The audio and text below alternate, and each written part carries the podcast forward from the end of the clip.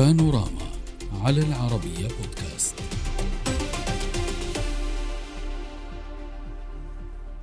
لا تكاد قصة غرق قارب قارب للمهاجرين. تنتهي حتى تليها أخرى تحمل تفاصيل أكثر حزنا من قبلها بسبب تبدد أحلام أو أحلام من ركب البحر لنقله إلى حياة أخرى.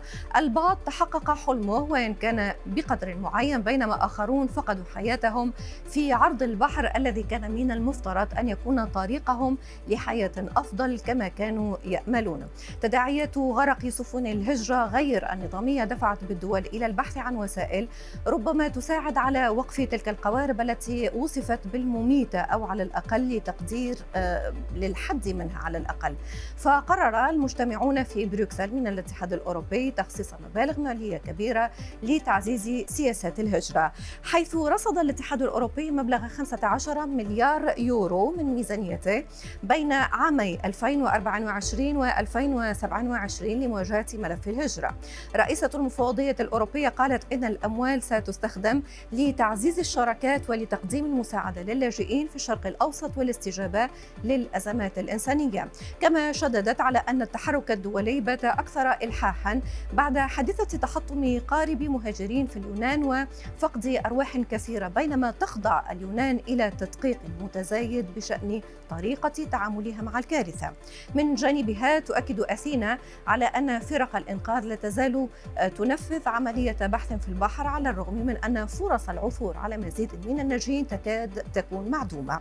بينما تنفي الاتهامات الموجهة ضد خفر سواحلها وروايات انقلاب القارب بعد أن حاول خفر السواحل سحبه وشددت على أن القارب رفض مرارا المساعدة اليونانية لأنه كان يريد الذهاب إلى إيطاليا. ويبدو أن غرق قوارب الهجرة لم تقف عند مياه اليونان بل سجلت حادثة غرق أخرى وهذه المرة في جزر الكناري الواقعة قبالة سواحل غرب أفريقيا. الوجهة الرئيسية للمهاجرين الذين يحاولون الوصول إلى إسبانيا. نتابع هذا الموضوع مع ضيفنا من لندن أحمد سعدون الخبير القانوني في شؤون الهجرة واللجوء. دكتور أهلا بك معنا.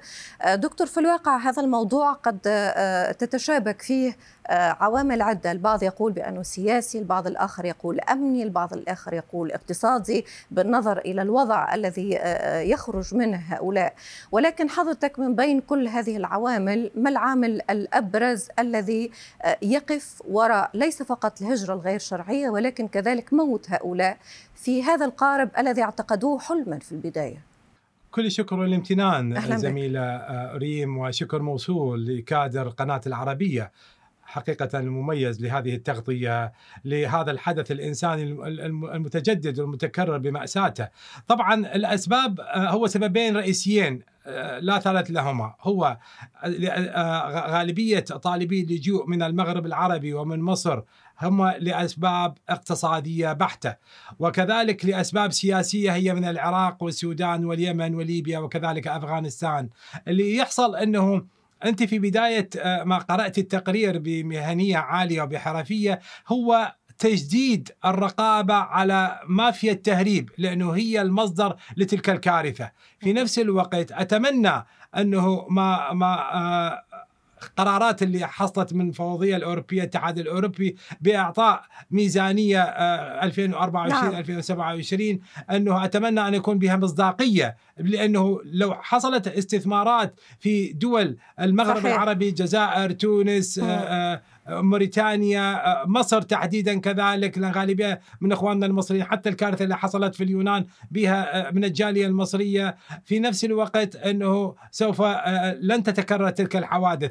هناك لابد أن بإضافة إلى الاقتراحات والمقترحات والقرارات اللي صدرت من وزراء الداخلية في قبل أسبوع في لوكسمبورغ وكذلك المفوضية في بروكسل لابد أن يكون هناك تعاون استخباراتي كبير على على على محمل الجد لمكافحة مافيا التهريب لأن مافيا التهريب تدر لها ملايين الدولارات. في نفس الوقت غير خافي عن حضرتك هناك فساد مالي وإداري ما يحصل في ليبيا لأنه باعتبار لا توجد هناك حكومة حقيقية تسيطر على على السواحل وعلى المعابر. ولكن دكتور اسمح لي أتيت حضرتك على نقطة مهمة تقول بأنه يجب أن يكون هناك تعاون استخباراتي أمني للحد من الهجرة الغير شرعية. أفهم من حضرتك بأنه هذا لا يحصل في الوقت الراهن حتى مع مئات الموتى كل يوم ولكن ولكن هذا التعاون الاستخباراتي لا يحدث وما الذي يعيقه إن لم يكن هناك تعاون أمني استخباراتي حقيقي.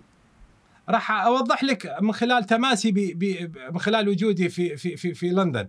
آه عندما يتم وصول قوارب آه، آه، لقوارب آه، المنتهية الصلاحية من من السواحل الفرنسية من مدينة كاليه باتجاه دوفر. عندما يتم وصول 20 أو 30 أو 40 أو 50 يتم التحقيق معهم بطريقة وأخرى هناك قسم آخر من Scotland Yard الشرطة البريطانية يحققون مع طالبي اللجوء الذي يسألهم من الذي قاد المركب.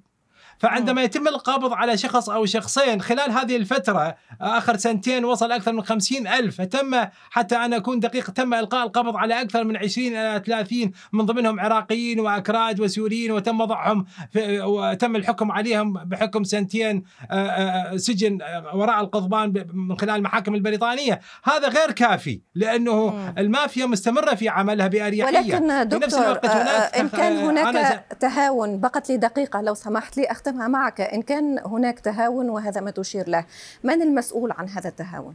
التهاون يعني هناك بلدان للأسف هناك هناك سياسة لربما أنا أعتبرها غير غير إنسانية في التعامل مع أبناء جلدتهم، لابد أن يكون هناك وضع اقتصادي، تحسين اقتصادي للشاب إن كان من أي جنسية عربية، في نفس الوقت دول الاتحاد الأوروبي تسعى جاهدة لعمل استثمارات في تلك الدول، نعم. لابد أن يكون هناك تعاون من الدول التي تحصل فيها المأساة، مصر مثالا سوريا هي آه، أنه لابد انهاء تلك لأن الأزمة مستمرة صيف قادم والكارثة أكبر.